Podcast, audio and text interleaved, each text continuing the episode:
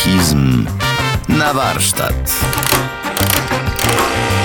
Zapraszają Katarzyna Supeł-Zaboklicka i ksiądz Paweł Mazurkiewicz. Nie wiem, dlaczego dziś ksiądz chce powiedzieć o całkowicie nowej relacji, bo wydawało mi się, że w poprzednich audycjach e, o tej relacji już mówiliśmy. Teraz chodzi o coś zupełnie innego. Mówiliśmy o relację e, ojciec-dzieci, ojciec-synowie, tak? A dziś całkowicie nowa relacja. Jaka? Taka, która wypływa z zaimka nasz. Bo Ach, rozumiem. niejako rozbieramy poszczególne wezwania modlitwy pańskiej na czynniki pierwsze. E, Zrobiliśmy tak w przypadku rzeczownika ojciec. Mhm. A teraz skoncentrujemy się na zaimku nasz, który, tak jak mówi katechizm, nie wyraża posiadania, lecz całkowicie nową relację do Boga. No właśnie, jakie skojarzenie pani przychodzi do głowy wtedy, kiedy wypowiada pani słowa Ojcze nasz, koncentrując się na słowie nasz? No też i mój, i moich bliskich, i wszystkich. Tak jest. Czyli mamy świadomość, że w relacji z Panem Bogiem nie jesteśmy sami, że to nie jest li tylko nasz Bóg, że obok nas są inni ludzie, którzy mają identyczne prawo e, do zwracania się do Boga jako do Ojca, jak my sami. A wie pani skąd to prawo płynie? Z faktu przymierza. Kiedy Bóg wybrał sobie Izraela na swój lud, to stał się równocześnie jego Bogiem.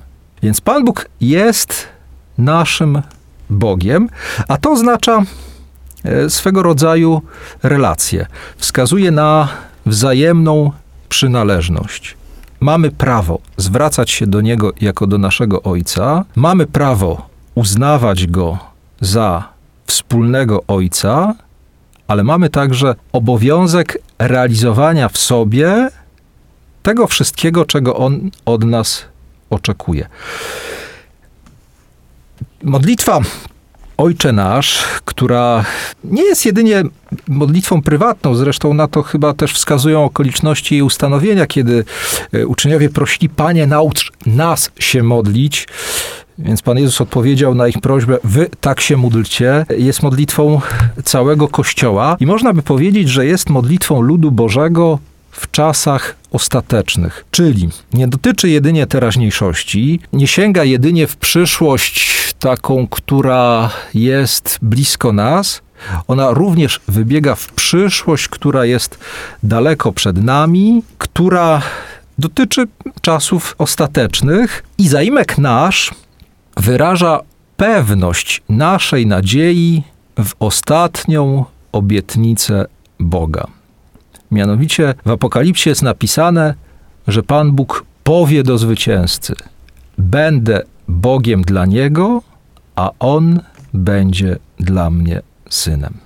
Zwracając się do Pana Boga jako do Ojca, uświadamiamy sobie, że inni mają prawo z takim tytułem się do Niego odnosić, czyli uświadamiamy sobie pewną wspólnotę istniejącą między nami, albo mówiąc ładniej, komunię pomiędzy nami, a pomiędzy Bogiem. Czyli modląc się słowami modlitwy pańskiej, pozostajemy w komunii z innymi ludźmi, którzy tę samą modlitwę odmawiają. Bo jak mówią dzieje apostolskie, opisując pierwotną wspólnotę Kościoła, jeden duch i jedno serce ożywiały wszystkich wierzących. Jak są spotkania ekumeniczne, czyli spotkania, na których gromadzą się chrześcijanie różnych wyznań, to zawsze recytują wspólnie modlitwę Ojcze Nasz, bo jest to czynnik, który ich jednoczy. Czyli możemy powtórzyć za katechizmem, że modlitwa do naszego Ojca pozostaje wspólnym dobrem dla wszystkich ochrzczonych, a przy okazji jest dla nich też wezwaniem do tego, żeby jedność, o którą Pan Jezus prosił, realizować. Możemy również powiedzieć, że wtedy, kiedy zwracamy się do Boga Ojcze Nasz, wyzbywamy się indywidualizmu.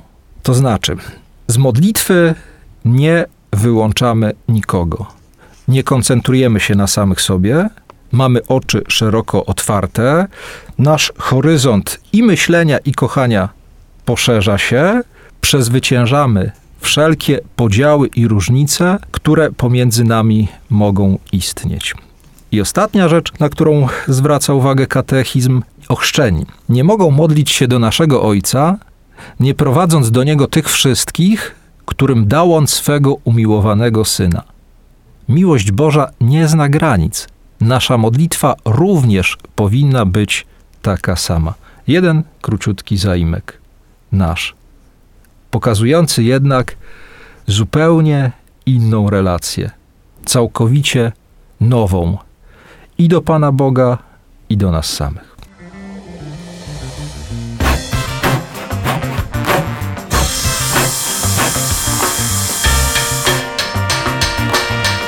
Katechizm na warsztat.